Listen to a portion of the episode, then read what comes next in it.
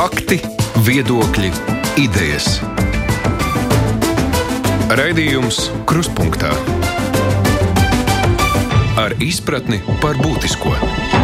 Studijā Mārija Ansone. Budžeta izdevumu veselības aprūpē Latvijā jau gadu desmitiem stipri atpaliek no tā, ko tajā iegulda vidēji Eiropas Savienībā. Sekas tam īpaši izjūtam tagad pandēmijas laikā. Par veselības ministrijas prioritātēm nākamā gada budžetā diskusija šajā stundā. Valsts budžets 2022. Tūplānā. Pēta un analizē Latvijas radio ziņu dienas un raidījums Krustpunktā. Kopā ar mums šodien ir Veselības ministrijas valsts sekretāra vietnieks Boris Kņigins. Labdien! Labdien! Arī Latvijas jauno ārstu asociācijas valdes locekla Ievas Notiņa. Labdien! Labdien! Tāpat arī Latvijas slimnīcu biedrības valdes priekšsēdētājs Jevgeņijs Kalējs. Sveicināti! Labdien! Un Latvijas Universitātes medicīnas fakultātes asociētā profesora Solvita Olsena. Labdien! Labdien visiem! Jā, izdevumi veselības aprūpē Latvijā nu, pieaug gadu gaitā, tomēr tā starpība starp to līmeni, kas ir vidēji Eiropas Savienībā un Latvijā, tā līkne joprojām turās starpības līkne ļoti līdzīga, jo izdevumi pieaug arī vidēji Eiropas Savienībā. Un ja mēs paskatāmies, m, ko, teiksim, uz vienu iedzīvotāju veselības aprūpē atvēl tepat mums kaimiņos, Igaunijā un Lietuvā, tad Lietuvā tie ir 975 5 eiro uz vienu cilvēku pret 17, 718 eiro Latvijā. Un Igaunijā savukārt šie izdevumi uz vienu iedzīvotāju ir pat divreiz lielāki nekā tas ir Latvijā. Un ja mēs paskatāmies arī uz to, ko samaksā par veselības aprūpi valsts un ko samaksā iedzīvotāji paši, vai nu ar veselības apdrošināšanu, vai arī no saviem maciņiem, tad mums tā proporcija Eh, arī atšķiras no kaimiņiem, un eh, mums tā daļa, ko cilvēki samaksā paši, arī ir ļoti liela. Eh, jautājums Knigina kungam, ja mēs palūkojamies kopumā uz Latvijas veselības budžetu nākošu gadu, vai tās tendences joprojām saglabājas? un arī starpības starp kaimiņiem saglabājas, jo pieaugums ir paredzēts, bet vai tas ir tik liels, lai kaut kas būtiski mainītos? Absolūtais apjoms, protams, tas piešķīrums nākamajam gadam nav pietiekams lai mēs varētu strauji mainīt tos radītājus, kas uz dotu brīdi ir mums pret Baltijas valstīm un pret pārējo Eiropas Savienību, jo jāreķinas, ka arī viņu budžeti pa gadiem aug, un tas pieaugums, lai mums viņu sasniegt, viņam ir jābūt daudz straujākam. Tāpēc arī sākotnēji iesniedzot savus prioritāros pasākumus nākamā gada budžetam un vidēja termiņa budžetam, mūsu priekšlikums bija gandrīz četras reizes lielāks četras reizes lielāks. Ja, Olsens kundze, kā jums šķiet, vai, nu es jau sākumā minēju, ka šai nobadinātie veselības aprūpē pandēmija ir bijis milzīgs sloks, mēs to visu tagad izjūtam. Nu tad, eh, domājot par veselības aprūpes budžetu tālāk, vai ir gūta kaut kāda mācība no tā, kādā situācijā mēs šobrīd esam? Diemžēl būšu tieša un skarba to bedri, kurā mēs jau bijām pirms pandēmijas, attiecībā uz savu veselību un veselības aizsardzību, mēs esam rakuši vēl tikai dziļāku. Un man tiešām ir žēl pirmkārt manas valsts un otrkārt man līdzcilvēku, ka vēl joprojām pat šādos ārkārtīgi ekstremālos apstākļos, kādos mēs šobrīd dzīvojam, mums nav radie, radusies saprašana par cilvēka veselības vērtību un par nepieciešamību viņu aizsargāt. Un faktiski, ja mēs ja mūsu valdība um, ja, neturējās jau pie solījumiem iepriekšējā, iepriekšējās vēlēšanās, bet ja mūsu valdība kopumā um, nesapratīs, ka cilvēku veselība ir priekšnoteikums valsts attīstībai, ekonomikas attīstībai un sabiedrības attīstībai un nemainīs kursu attiecībā uz valsts prioritātēm, ja, tad faktiski es neredzu pat iespējas, eh, ka mūsu valsts varētu attīstīties. To, un to mūsu pandēmija pierāda lieliski, jo mēs palūkojamies uz mūsu sasniegumiem, jeb labākajā, nu, nevis sasniegumiem, bet mūsu zaudējumiem šajā pandēmijā. Mēs esam zaudējuši daudz vairāk kā visi citi eh, līdzās mums, un tas, protams, mums maksā ārkārtīgi dārgi. Un tāpēc es, es tiešām aicinu ikvienu, tajā skaitā arī politiķus, tomēr vēlreiz mēģināt saprast, kāda jēga ir cilvēka veselībai mūsu valstī, un tad arī saprast, ka, lai cilvēka veselība maksā gan naudu, gan arī prasa citus milzīgus resursus. Un, un ja mēs to neizdarīsim, tad mums faktiski jau mēs būsim atņēmuši savas iespējas. Snotiņas kundze, palūkojoties uz nākamā gada budžeta plāniem, vai jūs prāt veselības aprūpe ir viena no tādām galvenajām prioritātēm nākošu gadu? Jūs zinat vajadzības un zinat uh, solījumus tagadējos. Protams. Jā, paldies. Uh, Latvijas jauno ārstu asociācija ir, uh, protams, piedalījusies vairākās no šīm budžeta sarunām dažādos posmos, gan komisiju līmenī, gan arī sarunās ar veselības ministriju. Un, tomēr jāteic, ka, protams, ir vairākas lietas, kas arī iepriecina šajā budžetā. Mūsu sarunu rezultātā ir arī ņemts vērā vairākas no Latvijas jauno ārstu asociācijas prioritātēm. Tātad, kā arī jā, jāatzīmē, tomēr tas, ka budžets ir dubultojies pēdējo četru gadu laikā, Eh, protams, nav iespējams atrisināt 20 gadu laikā ielaistas veselības eh, aprūpas sistēmas eh, problēmas. Kā jau jūs iepriekš minējāt, šī sistēma, veselības aprūpas sistēma ir bijusi, tā teikt, ļoti bieži izskan šis te termins badināta jau ļoti ilgstoši, un mēs tam piekrītam. Budžets nav šobrīd pietiekams veselības nozarē, lai apmierinātu pilnīgi visas vajadzības. Tomēr mēs redzam arī pozitīvas tendences. Um, arī esam vairākas reizes uzsvēruši, ka ir ļoti būtiska tieši ilgtermiņa veselības uh, nozares uh, budžeta plānošana. Un, uh, mēs ļoti ceram un vienmēr arī aicinām uh, gan uh, esošo valdību, gan arī turpmākās uh, domāt par to, uh, lai veselības aprūpe arī būtu prioritāte katrā no uh, gan saimnes sasaukumiem, gan valdība. Kalēkungs, uh, ar kādu noskaņu jūs uh, uztverat šo nākamā gada budžeta projektu? Vai tā, tas liecina par prioritāti ja valsts skatījumā? Noskaņu, ja mēs domājam par noskaņu, tad katrā ziņā ar pesimistisku noskaņu un tie skaitļi, kas tur ir redzami uz ekrāna un cik mēs tērējam uz vienu iedzīvotāju, neskatoties uz to piezīmi, ko Znotiņas kundze uzskata par labu, ka budžets ir dubultots, mēs vienalga esam tur, kur esam. Arī pirms šī budžeta dubultošanas mēs bijām, nu, teiksim, pa vidu Eiropas Savienības valstīm. Tagad mēs esam Eiropas Savienības valstu pašā, pašā lejas galā, gan izdevumiem uz vienu iedzīvotāju, gan arī e, procentu no IKP un valdības izdevumiem. Bet ko mēs paredzam tuvākā nākotnē? Sakarā ar šo Covid krīzi Mums ir būtiski samazinājies eh, pārējo pacientu aprūpe, kas ir chroniskie pacienti, arī daļa, daļa no tādiem ambulatoriem rehabilitācijas pakalpojumiem. Tas nozīmē, ka faktiski uz nākošiem nu, pāris gadiem mēs garantējam to, ka veselības aprūpes pārslodze būs nevis tāpēc, ka ir patreiz eh, tā kā tagad ar covid slimniekiem, bet ar, būs pārslodze ar to, ka mums šie visi chroniskie pacienti vai nu būs steidzami jārastē, vai viņi akutizēsies. Viņi paliks akūti un, un atkal viņi tērēs šos, te, šos te veselības aprūpas resursus pastiprinātā daudzumā. Tā kā tas, ka tas budžets ir dubultojies uz doto brīdi, mums nerada absolūti nekādu pozitīvu emociju, tāpēc, ka mēs esam otrie no beigām visā Eiropas Savienības valstu starpā. Tā kā no tā viedokļa es domāju, ka mums ir valdībai ir stipri jādomā un tā teiksim, nākošā gada un nākošo budžetu eh, apjoms ir stipri atkarīgs no tā, cik mums iedalīs un kādi būs eh, tieši pieejamie cilvēku resursi. Jo vislielākā problēma jau ir tieši cilvēku resursi, kuriem nākošā gada budžets paredz ļoti minimālu pieaugumu, pat zemāku nekā vidēji valstī, vidējas tautsājumniecības algu pielikums. Nu, ja mēs paskatāmies uz tiem apkopojumiem, kas arī ir pa Latviju veidoti, lai mēs redzētu, kāda mēs izskatāmies Eiropas kontekstā, tur arī bija norādīts, ka mēs salīdzinoši maz no tās piešķirtās naudas tā proporcionāli novirzam uz ambulatorajiem izdevumiem. Tas nozīmē, ka tagad pēc šī pandēmijas gada situācija, nu, ja tā nebija jau pietiekoši laba, tad tā būs ļoti, ļoti slikta. Tā to var saprast Kalēkungs.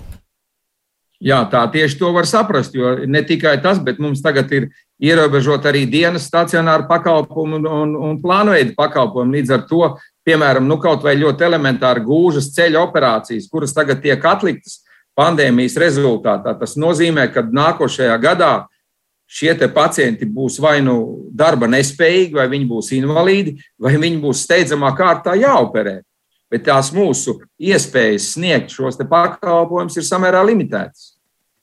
Knigina kungs. Es vēl gribēju ah, papildināt. Jā. Es vēl gribēju papildināt tas, ko mēs, mēs jau ilgstoši redzējām, ka mums ir ļoti salīdzinoši mazāk finansēta primārā veselības aprūpe, kas ir veselības aprūpes pamatakmens jebkurai sistēmai. Un mums jau ilgstoši šie skaitļi ir bijuši zemi. Uh, Un, uh, mēs arī redzējām pandēmijā, ka faktiski tas, ko Kalēkungs saka, un citās valstīs, arī Vācijā, Vigānijā un tam līdzīgi, ļoti daudz arī pandēmijas slogu nesa primārā veselības aprūpe, tas ir ģimenes ārsti. Mēs ilgstoši zinām, ka ģimenes ārsti ir eh, nefinansēti, viņiem trūkst darba roku, tajā skaitā māsu, māsu ārstu palīgu un tam līdzīgi. Un faktiski, ja mēs šo pamatakmeni, jo mēs acīm redzam, viņi esam noplicinājuši, un to arī jūs kolēģi ir citos raidījumos jau rādījuši, ja tad faktiski, ja mums tas akmens būs ļoti mazs, mēs nevarēsim noturēt arī to citas, citas nu, teiksim, sarežģītās lietas. Tā kā, tā kā attiecībā arī uz tiem pamatakmeņiem, kas ir sistēmā, ja mēs redzam šādu jā, noplicināšanu, ja tas, protams, no, nav iespējams pat paredzēt, ka varēs būt labāk, jo, jo primārajā veselības aprūpes ģimenes medicīnā, ja mēs skatāmies, kas notiek šobrīd ar izdegšanu, jā, tad sagaidīt, ka pēc nākamgad, aiznākamgad, pēc trījiem gadiem, ja tur būs labs resurs, faktiski jau nu, tas nav iespējams. Ja, kā, un, un, un arī šis budžets ne, nerisina to jautājumu, ja, kā mēs stiprināsim šo pamatakmeni. Ja, tā kā, nu, mm, diemžēl Jā, Knigina kungs arī, nu, pagaidām nav plānos būtiski mainīt arī šo te finansēšanas struktūru, nu, lielāku akcentu liekot uz ambulatoru aprūpu, uz primāro aprūpu, uz ģimenes ārstiem. Tas sadalījums ir, nu, pagaidām paredzēts tāds, kāds līdz šim ir arī bijis. Ja mēs runājam par uh, nākamā gada budžeta piešķirumu, tad nu, šeit ir jāatzīmē divas lietas. Pirmkārt, uh, runājot par to, cik šīs ir veiksmīgs uh, piešķirums uh, veselības nozarei, nu, tas ir jebkurā gadījumā trešā daļa no visa uh, budžeta, kas ir paredzēts nākamajam gadam. Līdz ar to, nu, ja mēs skatāmies uz kopējo uh, nozaru sadalījumu, tad mums ir vislielākais piešķirums. Ja mēs runājam par uh, tādu satura aspektu, šim piedāvājumam, tad nu, ir jāatzīmē arī to, ka tas ir pirmais pēdējo triju, četru gadu budžetos, kad vispār ir paredzēts finansējums pakalpojumiem. Šeit ir atbalstīti tādi strateģiskie virzieni, kā onkoloģija, kā palietīva aprūpe, kā psihiatrija un retas slimības. Līdz ar to nu, šeit ir tāda atšķirība no iepriekšējiem reizēm, ka varbūt tas fokus aizvirzīts nedaudz no cilvēku resursiem. Bet ir jāsaprot, ka nu, tas fokus nevar arī būt visu laiku tikai uz cilvēku resursiem, neko nemainot pakalpojumus. Tā kā tur būs jaunie pakalpojumi, būs pieeja jauniem pacientiem. Tā kā nu, šis priekšlikums viņš domā arī par pacientiem un par pakalpojumu pieejamību kā tādu.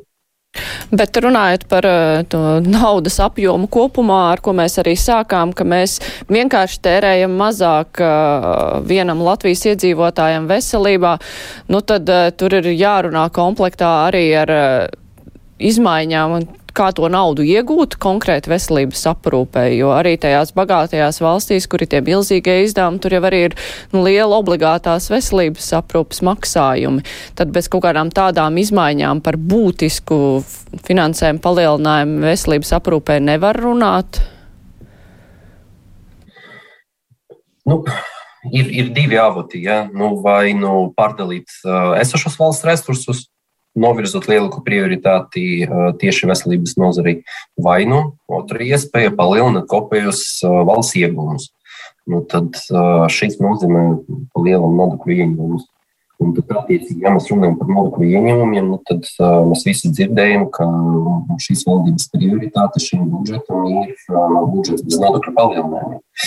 Uh, savukārt, paralēli mēs turpinām strādāt pie valsts uh, aprūpes, veselības aprūpes finansēšanas uh, likuma, un uh, vērtēt, kādas mums ir iespējas. Jo no, no, diviem, no, no divu grozu pieejas uh, valdība ir attikusies, un tad uz dotu brīdi tiek strādāts pie tā, nu, kas, kas ir tas alternatīvs un cits veids, kur, caur kuru mēs varam nozarei nodrošināt lielu finansējumu.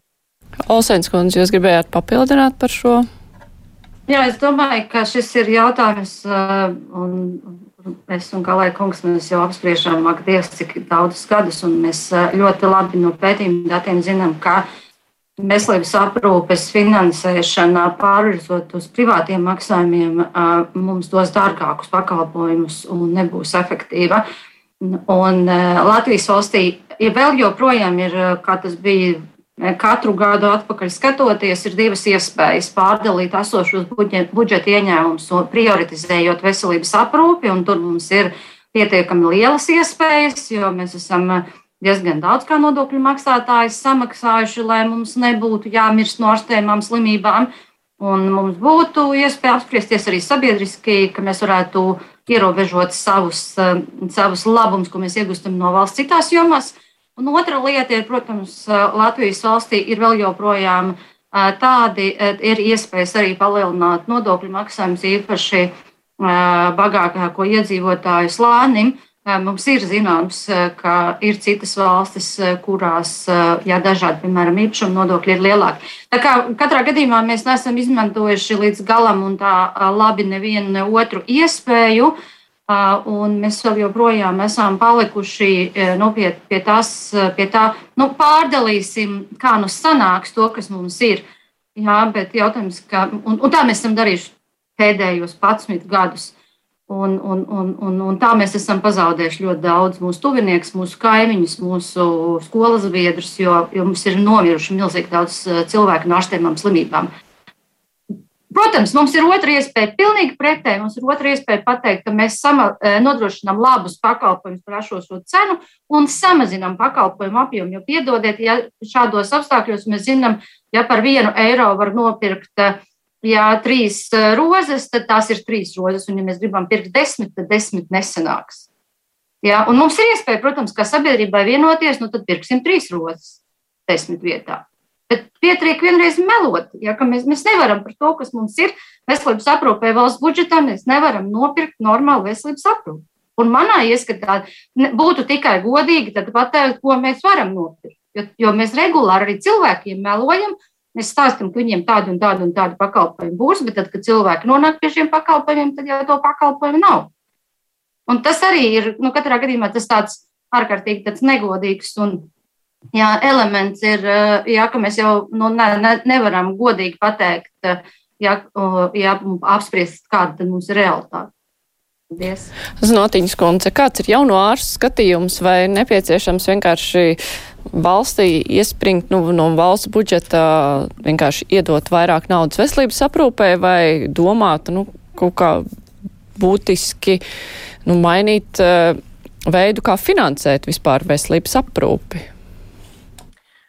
Uh, jā, tātad uh, šī veselības aprūpas finansējuma uh, likums iespējams, ka uh, nav tieši Latvijas jauno ārstu asociācijas kompetence, bet uh, nesen, uh, drīzāk gribētos pieminēt, uh, nesen uh, uh, mēs klausījāmies gan nozare, uh, gan ministriju pārstāvji, gan arī saimnes uh, budžeta komisijas pārstāvji Eh, uzklausīja Pasaules veselības organizācijas eh, ziņojumu par Latvijas eh, veselības aprūpas finansējumu. Un šeit, protams, tika uzsvērts tas, ka salīdzinot ar citām OECD valstīm, Latvijas veselības aprūpas budžets ir viens no zemākajiem pret IKP. Un šie eksperti aicināja uz veselības finansējumu skatīties vairāk kā uz tādu investīciju. Jo būtībā, jo vairāk valsts ieguldīs veselības aprūpē, jo lielāku uh, atdevi, tā teikt, vairāk saņems atpakaļ. Tātad veselāki cilvēki izlīdzināsies šī nevienlīdzība. Latvijā vēl joprojām ir viens no lielākajiem līdzfinansējums. Tātad līdzmaksājums, atvainojos, līdzmaksājums, ko pacienti maksā par veselības aprūpas pakalpojumiem. Tas ir viens no visaugstākajiem starp OECD valstīm, un tātad šī situācija nebūtu pieļaujama. Eh, protams, jā, eh, varam atzīmēt, ka ir šogad eh, onkoloģijai piešķirts vairāk finansējums. Tomēr tā ir trešdaļa no prasītā apmēram, un, diemžēl, katrs eiro, ko mēs neieguldīsim šodien, ko mēs neieguldīsim šajā gadā budžetā, to mums vajadzēs ar uzviju ieguldīt nākamajos gados. Un tas ir jāsaprot, ka veselības aprūpe nav tāda um, sistēma, kur mēs vienkārši dodam naudu un viņa tā tērējās. Uh, tas ir ieguldījums cilvēkos, ieguldījums cilvēku resursos. Kalēkungs, jūs skatījums par šiem konceptuālajiem jautājumiem. Vai mums izdosies izbēgt, ja mēs gribam kaut ko būtiski mainīt uh, veselības aprūpē no finansēšanas modeļu maiņas, sistēmas maiņas? Nu, pirmais varbūt ir tas par tiem ieguldījumiem tad uh, mums ir jāsaka tā, ka tas ieguldījums faktiski tagad ir nes zaudējums, jo sakarā ar to, ka tiek samazināta pārējo pacientu aprūpe, mūsu iedzīvotāju dzīves ilgums pēdējos gadus, teiksim, 10, 15, visu laiku gāja uz augšu. Un tagad viņš ir apstājies, un faktiski nākošais gads jau mēs plānojam, arī mūsu epidemiologi plāno, ka dzīves ilgums samazināsies. Viņš jau tagad samazinās, jo tāpēc, ka mums ir faktiski Covid dēļ tagad ir 3000 neplānotas nāves, papildus tam, kas mums notiek regulāri. Līdz ar to vidējais Latvijas iedzīvotāju dzīves ilgums samazinās. Un tas ir tas ieguldījums. Faktiski tas ieguldījums tagad ir ar negatīvu zīmi. Otrs aspekts ir tas, ka, eh, ko jau Olsens kundze pieminēja par tām trim rozēm, tad patreizējā brīdī valdības vai, vai arī iepriekšējo valdības attieksme ir tāda, ka mēs jums dodam vienu eiro un lūdzu sev neko neatsakiet. Dariet, pērkat visu, kas ir iespējams. Un mēs nonākam tā, ka tas pirmais, kas to eiro saņem, nu viņš var nopirkt tās divas aspirīnu paciņas. Pārējiem nekas nepa, ne, ne, nepienākās. Nu, te ir varbūt tā dilemma, kas, kas ir stipri jāpārdomā. Un tas, ka uh, mums ir pieaudzis varbūt tas uh, procents, kas ir no IKP, bet ļoti būtisks rādījums uh, budžetos, un to Knīgina kungs labāk zina par mani, ir valsts izdevumi no kopējā valsts izdevumu apjoma. Diemžēl arī šie izdevumi, neskatoties uz to, kā uz noteikts kundze, ka mēs esam dubultojuši to finansējumu, viņi vienalga ir zemākie. Nemaz neskatoties uz Baltijas valstīm, bet, ja mēs paskatāmies kontekstā uz visu Eiropu, nu, tad mēs esam tajā pašā pakaļējā pusē.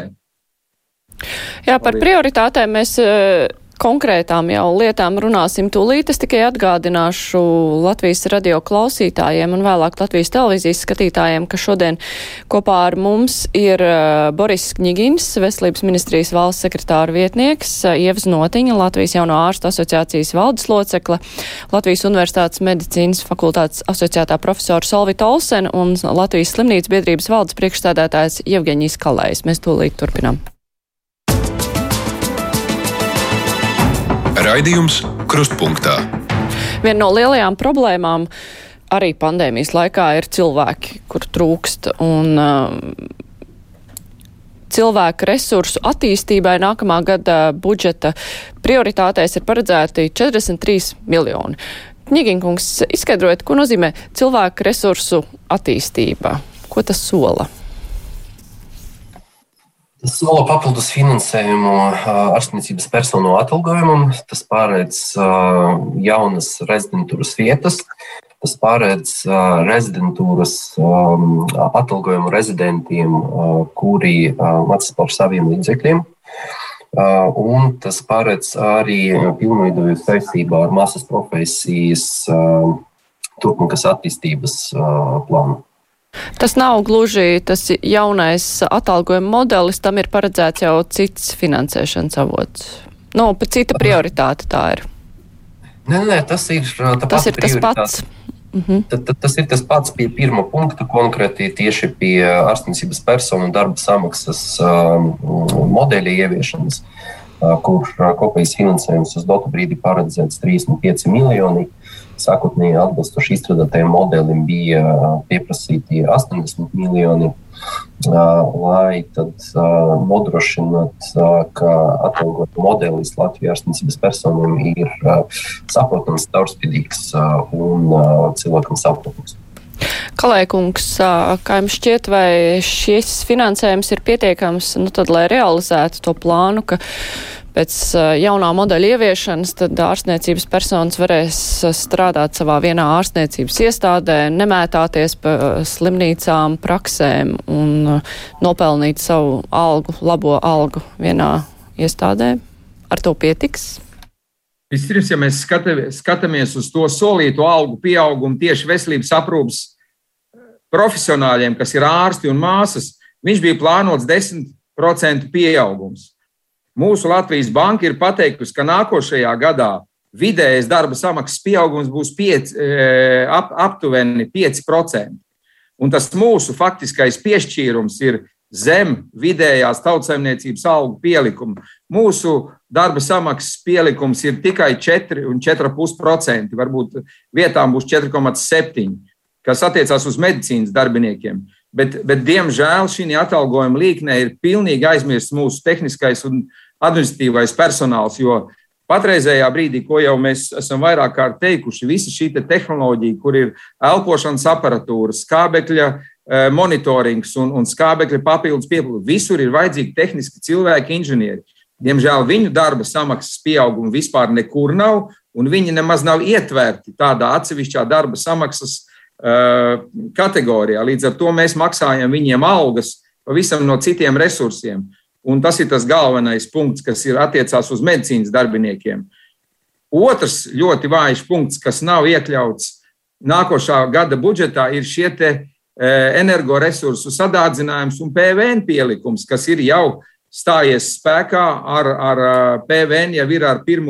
jūliju, un, un energoresursi kā nu kurš, bet ir jau no augusta un septembra. Diemžēl šie papildus izdevumi nākošā gada tarifā nekā neatspoguļojas. Un te, te ir vienīgā izēja, to, ko Olsēnas kundze jau pieminēja. Mums pie šī pastāvīgā naudas uh, apjoma, kas ir iekļauta tarifā, mēs par šo tarifa naudu varēsim izdarīt daudz mazāk nekā iepriekš. Tas nozīmē, ka nākošā gadā, ja valdība neizdomās kādu uh, budžeta izmaiņu, mums faktiski ir jāsamazina kopējais veselības aprūpas pakalpojumu apjoms. Tas ir neizbēgami, mums nav citas izējas. Par cilvēku resursiem tūlīt arī turpināsim. Vispirms Knigina kungam jautājums, tad sanāk, ka šie te energoresursu cenu pieaugums un PVN, par ko Kalē kungs runāja, tad tas ies uz ārstniecības reķina, beigu beigās tiks samaksāts. Nu, uz dotu brīdī tas, kas ir jau izdarīts, tad uh, uz uh, budžeta otro lasījumu ir uh, iesniegts PVN pieprasījums.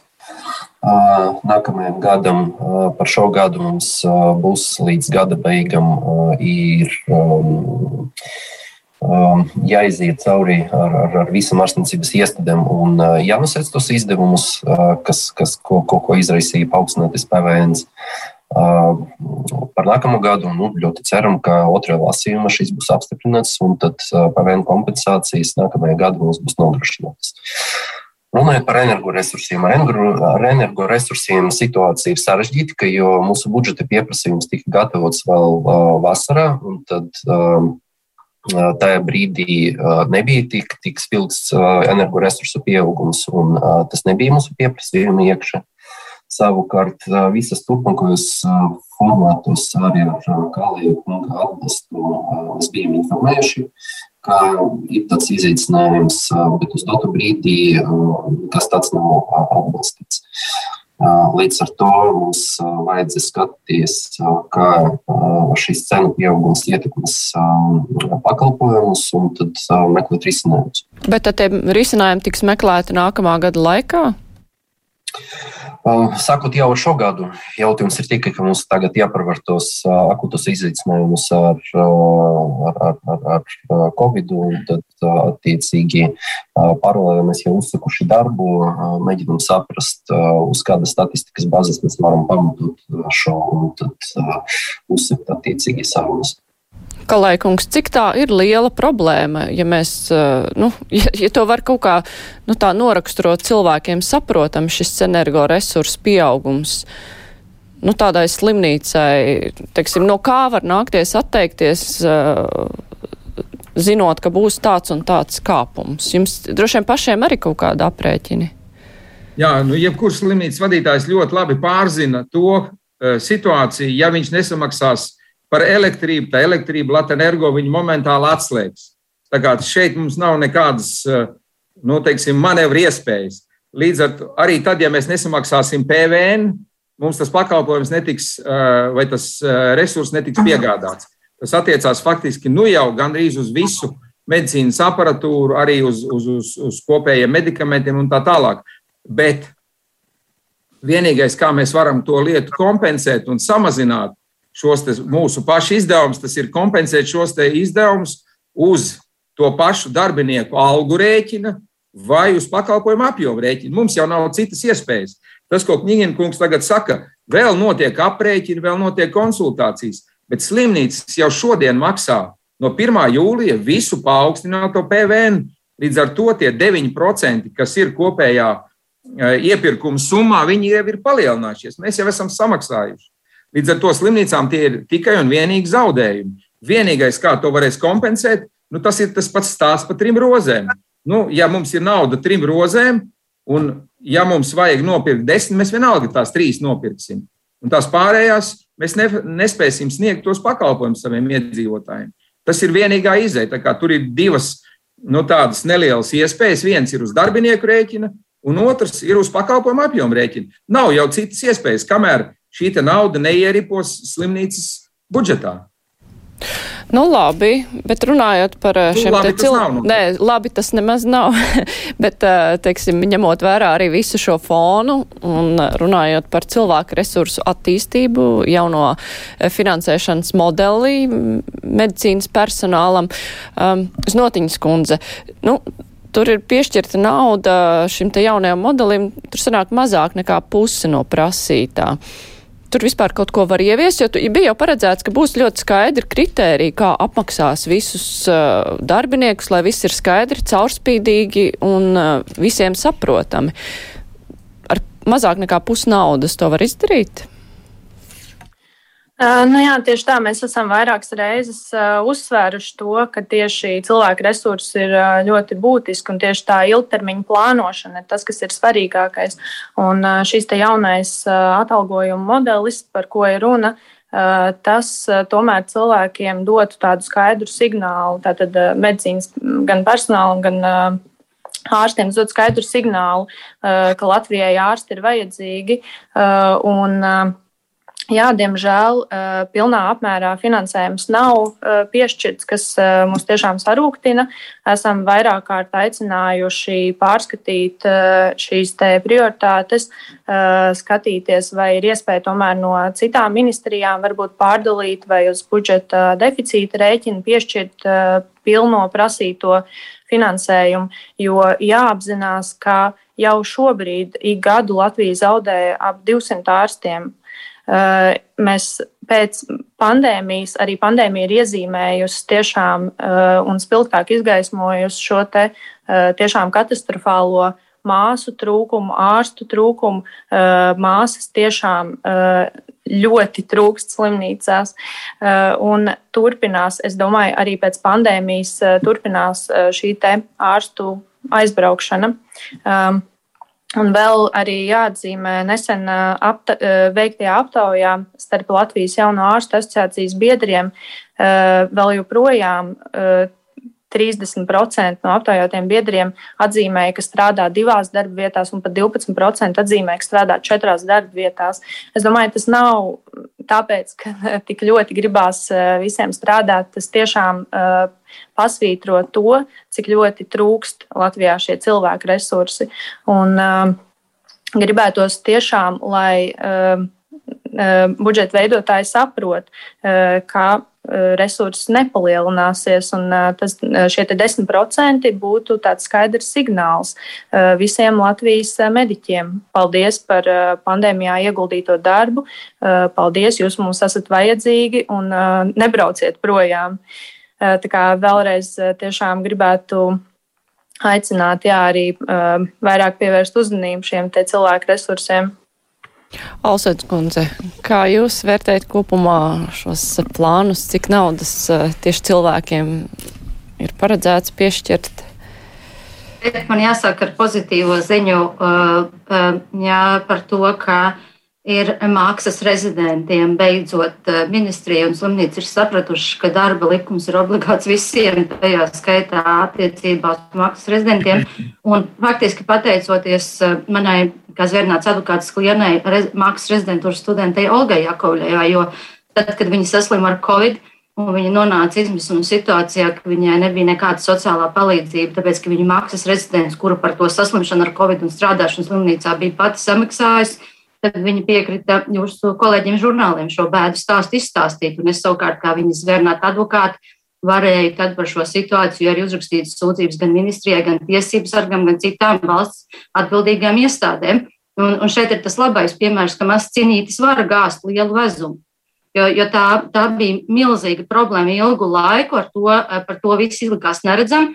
Un šeit mēs redzam būtisku progresu uz priekšu, Un, un tas, protams, ir nu, tāds pozitīvais šajā budžeta ietvarā, bet savukārt attiecībā uz algu pielikumu mediķiem, jā, un šeit ir jā, pilnīgi skaidrs arī, jā, kā Kalēkungs norādīja, un, un man arī kolēģi norādīja, šis jau pat nav pielikums, šis knapi, ja labākajā gadījumā varbūt un izskatās pat nesasniegs inflāciju un, kopējo algu pieaugumu valstī, nerunājot par to, atcerieties šie paši politiķi, kas par šo budžetu uh, lemj, Viņi tad, kad stājās šajā saimā, viņi apsolīja 20%, tad viņi pēc pusgada bija aizmirsuši par 20%, tad viņi apsolīja 10%. Un tagad, tieši kā reiz juridiskajā tajā budžeta komisijā, kad viņiem bija par šo jautājumu jābalso par tiem pār 40 miljoniem vai piešķirt mediķu algām, jā, tad viņi pateica, ka nē, mēs jums nepiešķirsim. Un, un šis ir skaidri un gaiši parādīt attieksmi pret mediķu darbu, mediķu darba novērtējumu Jā, klausieties, mēs jums solīsim, un, bet, eh, jā, tad, kad ir tam jādod, un tas 10%, nu, 5 kopumā pielikums ir ļoti mazs, jā, ka pat, ja to nevar iedot, tad ir skaidri eh, jāsaprot, jā, ka tā ir arī Jādodī. informācija katram mediķim. Jā, ka, lūk, mēs šo eh, jūsu darbu vērtējam tieši tik zemu, kāda ir šī alga. Un tas, tas, tas mani uztrauc tādā ziņā, ka tas mūs apdraud visus kā pacientus. Mums nav iespējams saņemt veselības aprūpi, ja tur nav speciālists, ja tur nav māsa, ja tur nav ārsts, kas saņem normālu algu. Un, un tā ir tā šobrīdējā situācija. Pagājušajā nedēļā veselības ministrija iznāca ar savu brīnišķīgo priekšlikumu, izsludināsim vispārējo mobilizāciju un tam līdzīgi. Es, jā, mums faktiski šī ir situācija, ka mums to mobilizācijas pieprasījumu vajadzētu nosūtīt uz saimu un uz valsts iestādēm. Ja tā ir, mēs esam tādā situācijā, ka mums, ja mēs esam nopludinājuši resursu uh, nežēlīgi, mēs, ja tā izturēšanās pret mediķiem ir nežēlīga, un katrā gadījumā, ja es galīgi un pateikšu godīgi nesaprotu, kā var nezināt, ka tu esi apsolījis vairākus gadus mediķiem algu pieaugumu, un tu to nespēji nodrošināt esošā budžeta ietvaros. Tie 45 miljoni nebija sarežģīts jautājums, bet tā bija izšķiršanās. Un tā ir bezatbildība. Nu, varbūt uh, Latvijas politikā tā ir tradīcija vienmēr solīt divreiz vairāk nekā pēc tam praksē iedot. Uh, bet uh, runājot par šiem rezidentiem, nu, tā bija, jā, cīņa, kas tika izcīnīta un panākums, kas gūts pateicoties kādam cilvēkam, varbūt arī kādreiz līdz veselības apdrošināšanai var mediķiem nonākt, vai tas ir vēl pārāk tāla cerība? Nu, ja katrā gadījumā es varu pateikt, un, un šajā situācijā es esmu bijis klāt gan pirmajam Latvijas ārstu streikam, gan daudz vairākām arī konsultējusi tieši dažādus klientus, tieši kā zvērnāt advokāti, kā viņi savas tiesības ir panākt. Un var teikt, ka mums tā pieredze ir, mums ir ļoti vāja tā pieredze, jo jau medicīnas veselības aprūpas sistēmā valda milzīgs mobbings, milzīgs bosings un ļoti daudz baiļu. Un faktiski, ja tas, ko mēs redzam arī, ko teica jauno ārstu asociācija, mūsu mediķi izvēlās nevis cīnīties par savām tiesībām, bet vienkārši aizbraukt. Jo, jo visur citur šos mūsu mediķus ar atklātām rokām un ar, ar milzīgiem naudas solījumiem gaida. Un katrs mūsu mediķis, kas brauc, jā, viņi jau tur priekšā sagaida ārkārtīgi iepriecinošu bankas konta cipars. Un, un tas, protams, ja mēs to nedrīkstam ignorēt. Bet mēs vēl joprojām ignorējam. Un tā tas ir pēdējos desmit gadus. Jo mūsu mediķi ir ļoti pieprasīti, ļoti zinoši, un tad, kad viņi arī strādā citās valstīs, viņi arī ir ļoti labi apmaksāti. Knigina kungs, šis te trūkstošā nauda tāpat jau ir palikusi kā priekšlikums, kas būtu deputātiem jāatbalsta, respektīvi viņi vēl var labot šo budžeta projektu skatot tālāk. Jā, protams, protams saima lemj par uh, valsts budžeta gala rezultātu, un tad uh, saima var arī lemt par lielāku piešķirumu. Šeit arī ir jāapzinās nu, tas, tas, tas, ko es gribēju atzīmēt. Uh, droši vien visi redzēja un dzirdēja, uh, ka mūsu pamatnostādnes ne tikai aizvirzītas uz priekšu, tieši tās pamatnostādnes, kuras pa lielam bija ar, ar to vīziju, kā mums izkļūt no tam pēdējiem vietām un virzīties uz attīstību veselības nozarē, kuras diemžēl nav atbalstītas. Uz dotu brīdī mēs arī gaidām, ka kādus priekšlikumus iedvesmos mūsu finansiālas institūcijas, tad pie kura finansējuma apjoma pieauguma mums ir jāturas pie strateģiska redzējuma. Um, kas, uh, kam, kam būs arī liela ietekme uz uh, šo kopējo ilgtermiņa atalgojumu pieaugumu. Jo tad mēs arī sapratīsim, nu, cik, cik tas ir iespējas, kuras mums uh, piedāvās. Vai tas iespējas būs tādas, kuras tikai atalgojumu spēs atbalstīt, vai tas būs izaugums, kurš nu, nekādu nozares izaugsmī septiņos gadus tā arī neparedzēs. Tā tas vēl ir stāvams priekšā un jautājums, kurš ir lielam ilgtermiņa, ir ļoti svarīgs svarīgs un lielam svarīgs arī par katra, katra konkrēta gada budžeta piešķirumu. Vēl runājot par veselības aprūpes pakalpojumiem, tur arī veselības ministrijas prasītā nauda prioritātēm attiecībā pret to, kas tika piešķirta. Tur ir piešķirt tikai kaut kādus 30%. Skalēkungs, kā jūs vērtējat? Nu, Znotīņas kundze jau iepriekš minēja, ka tas, tā nauda, ko neieguldīs tagad, ka tā agri vai vēlu būs jāsamaksā. Piemēram, onkoloģija, kas arī ir ārkārtīgi sāpīga nozare, ka arī tā, tai ir piešķirts. Tā ir onkoloģijas plānam ir 3 miljoni piešķirt, kas ir daudz mazāk nekā tika prasīts. Nu, kādas tad būs sekas tam, ka mēs nu, ieguldam tagad mazāk, vai tas ieguldījums, tas, kas nāks atpakaļ, ir proporcionāli mazāks, vai, nu, sanāk, ka mēs nespēsim tik efektīvi to, efektīvi to naudu iztērēt, ja viņas vienkārši ir pārāk maz. Ja atskatās uz tiem ieguldījumiem, eh, kādi bija iepriekš un kādi mums ir plānoti nākošajā gadā, tad faktiski, kā jau es teicu, tie ieguldījumi būs ar mīnus zīmi. Un tas, ka onkoloģija ir piešķirts tikai trešā daļa no tā prasītā apjoma. Tas nozīmē, ka tie onkoloģiskie slimnieki, kas paliks ārpus šī e, pakalpojuma, viņu mirstība palielināsies, viņu invaliditāte palielināsies. Plus tie ieguldījumi, ko mēs tagad nogriežam saviem, piemēram, traumatoloģiskiem, ķirurģiskiem, terapeitiskiem, chroniskiem pacientiem, viņi mums nākotnē būs ar mīnus zīmi, jo mums jau nebūs vi, viņus, ko ārstēt, mums nebūs līdzekļi, tas ir viens un otrkārt palielināsies viņu invaliditāte, viņi vairs nebūs eh, pieejami darba tirgu, un līdz ar to tas ieguldījums ir samērā ar negatīvu zīmi. Tāpēc, jau, kā jau Znotiņas kundze uzsvēra, ka tas ir ieguldījums un tas ir investīcija. Bet, diemžēl, valsts uz šo brīdi neveic investīcijas veselības aprūpē. Patreizējā brīdī viņi varbūt mēģina dzēst nu, teiksim, inflācijas procentu, un tas ir viss. Tāpēc nu, no šī viedokļa skatoties, Nav mums arī palielināti kopējie tarifi, mums nav iekļauti papildus energoresursu sadārdzinājuma izdevumi, nav algas iekļautas tādā apjomā, kāda viņi ir. Viņi pat nesadz, kā Olsens kundze jau piezīmēja, ka viņi pat neseks nākošā gada varbūt inflācija. Līdz ar to šeit noteikti par tām investīcijām un iegūmiem ir jārunā ar negatīvu zīmi. Kņiginkungs, ir kaut kādas lietas, kuras vispār palika ārpus šīm prioritātēm, kuras, nu, nedabūs neko. Te ir jomas, kuras dabūja vismaz 30%, bet kas palika aiz strīpas vēl? Jā, viennozīmīgi nu, tas, kas ir ar absolūtu nulli, ir jau Kalēja kunga pieminētie tarifi bija plānots celt esošos tarifus, lai attiecīgi nodrošinātu kompensāciju pret to, ka tie tarifi ir jau gadiem netiek pārskatīti un pa lielam katru gadu turpat nav paredzēta nekāda indeksācija pret, pret, pret, pret inflāciju. Otra sadaļa tas ir uh, līdzmaksājums, kurus bija plānots uh, mazināt.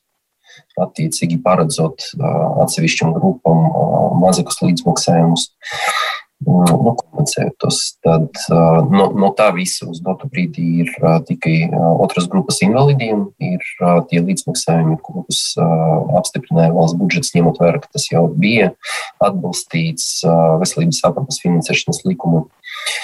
Nu, un trešā sadaļa, protams, ir tāda apjomīga ar visiem veselības pakalpojumu apjomu palielinājumu, kur rezultātā tikai 11% ir veselības pozīcija.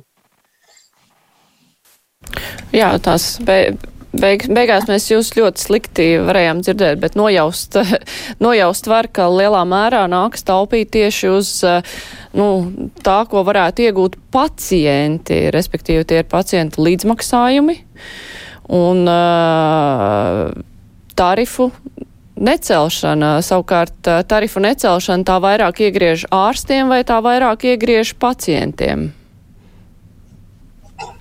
abas puses šis tarifs pa lielam sastāv no vairākiem elementiem, kur uh, gan iegūmi ārstam, gan ieguvumi um, slimnīcai, gan ieguvumi pacientam, kas ir vissvarīgākais. Ja? Un tad, attiecīgi, um, nepalielinot šos kopējos tarifus, uh, nu, cieši visas, visas puses. Tur nav neviena vinnotēta taisnība. Un tad uh, nu, šeit ir jāņem vērā to, ka. Mm, nu, ar, ar tarifiem, kur ir lielāka grūtība.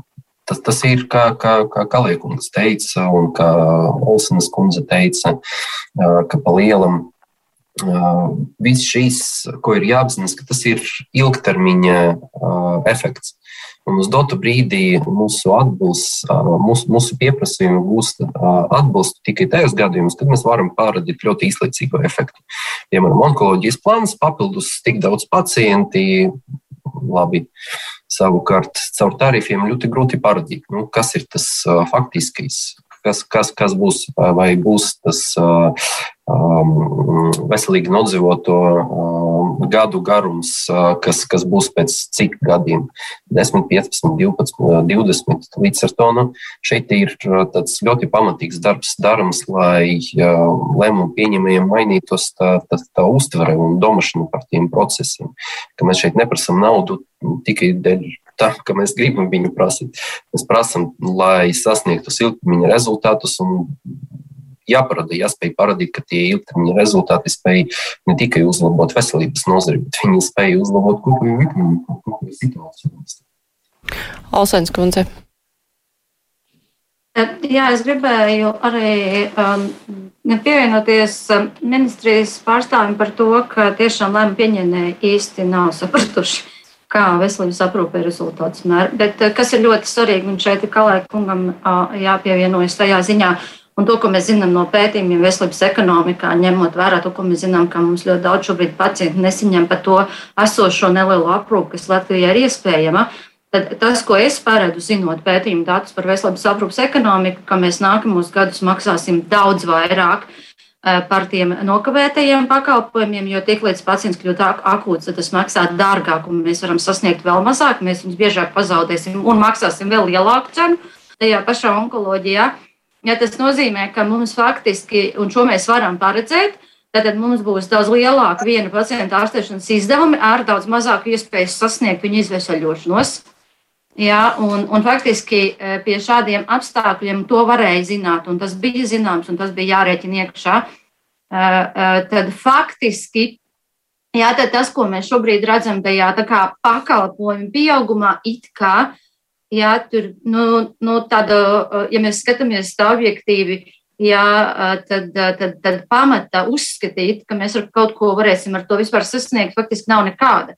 Mums, un es domāju, arī, kolēģis jau parādīja arī kādā veidā, ka mēs faktiski veselības aprūpas sistēma šobrīd brauc vēl lielākā krīzē, kā tā ir bijusi, gan no pacientu viedokļa, jo pacienti būs slimāki un mazāk viņu veselības, veselību būs aizsargāti, gan arī no finansēšanas viedokļa, jo ārstniecības iestādes jā, ir milzīgus resursus iztērējuši Covid pandēmijas apkarošanai, visādā ziņā, gan naudas ziņā, gan, gan, gan cilvēku resursu ziņā.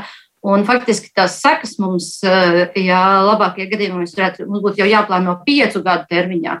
Ja tā, tas, tā ir tāda realitāte, kur mēs arī izliekamies, tā kā neredzam. Tas ir tā, ja šajā visā veselības aprūpas plānošanā, un, un, kas, kas ārkārtīgi vēl joprojām mani pārsteidz, ja tie lēmumu pieņēmēji, tajā skaitā arī finanšu ministrijā, viņi tā kā izskatās tagad tādā mucā sēdāt, ka viņiem nekas vairāk par viņu cipariņiem nav vispār saprotams par cilvēku eksistences būtību. Un līdzīgi arī citās ministrijās. Un man tiešām jājautā, vai, vai tieši šie cilvēki, kas ja arī saimā domā, ka viņi ir nemirstīgi un ka viņiem eh, tas vēzis eh, nepiezaksies parīt. Mēs visi esam ļoti mirstīgas radības, un tas ir nu, tā izšķirīgi svarīgi mums katram parūpēties, lai tas veselības aprūpes budžets kalpotu mūsu labā. Tas, ko mēs esam darījuši šeit gadiem, ja šādās sarunās mēs, mēs esam nu, mēģinājuši dažādā veidā nu, parādīt, nu, kā mēs te tagad ar šo nemirstību tagad, bet, nu, varētu tā nu, parunāt, varbūt, tomēr esam nemirstīgi. Ja, es, es tiešām gribu Es tādu uz tādas pozitīvas nots arī gribētu tomēr skatīties. Es domāju, ka varbūt ka ir kāda iespēja, ka mēs atkal varētu satikties un tā atklāti parunāt par mūsu nemirstību un saprast, ka tam ir vajadzīga nauda. Tam mēs maksājam nodokļus. Kā mums ir vajadzīga valsts? Mums ir vajadzīga valsts, lai aizsargātu mūsu veselību un mūsu dzīvību. Un, un tas ir pirmais mūsu valsts pienākums. Un, ja mūsu valsts cilvēku, kurš ir saslims ar vēzi, dzīvību nespēja aizsargāt tajā laikā, kad ir zāles, ir tehnoloģijas, ir zināšanas, viss ir, tad ir jājautā, ko tad šī valsts dara. Jā, nu tas, ko es sadzirdēju savukārt, un tajā skatā arī no jaunajiem ārstiem, ir, ka ļoti trūkst arī tāds ilgtermiņa redzējums, kāda tad gal galā būs veselības aprūpa, bet nu, otra lieta, ar ko nāksies rēķināties jau tūlīt un tagad ir visas ielaistās lietas, kas ir radušās Covid pandēmijas laikā, jo tur tās sekas būs redzamas jau tūlīt un tagad, to, kas nav izdarīts šajā gadā. Un jācer, ka tas atspoguļosies pozitīvā veidā budžetā, jo deputātiem tomēr laiks pieņemt pieņemt lēmumu vēl ir priekšā un izlemt, kā tad rīkoties. Saku paldies Solvitai Olsenai, Evgeņiem Kalējam, Ievais Notiņai un Borisam Kņiginam. Paldies, ka varējāt piedalīties mūsu sarunā, bet raidījums ar to izskan. Raidījuma producenti ir Evi Junām un studijā bija Mārija Ansona. Visu labu!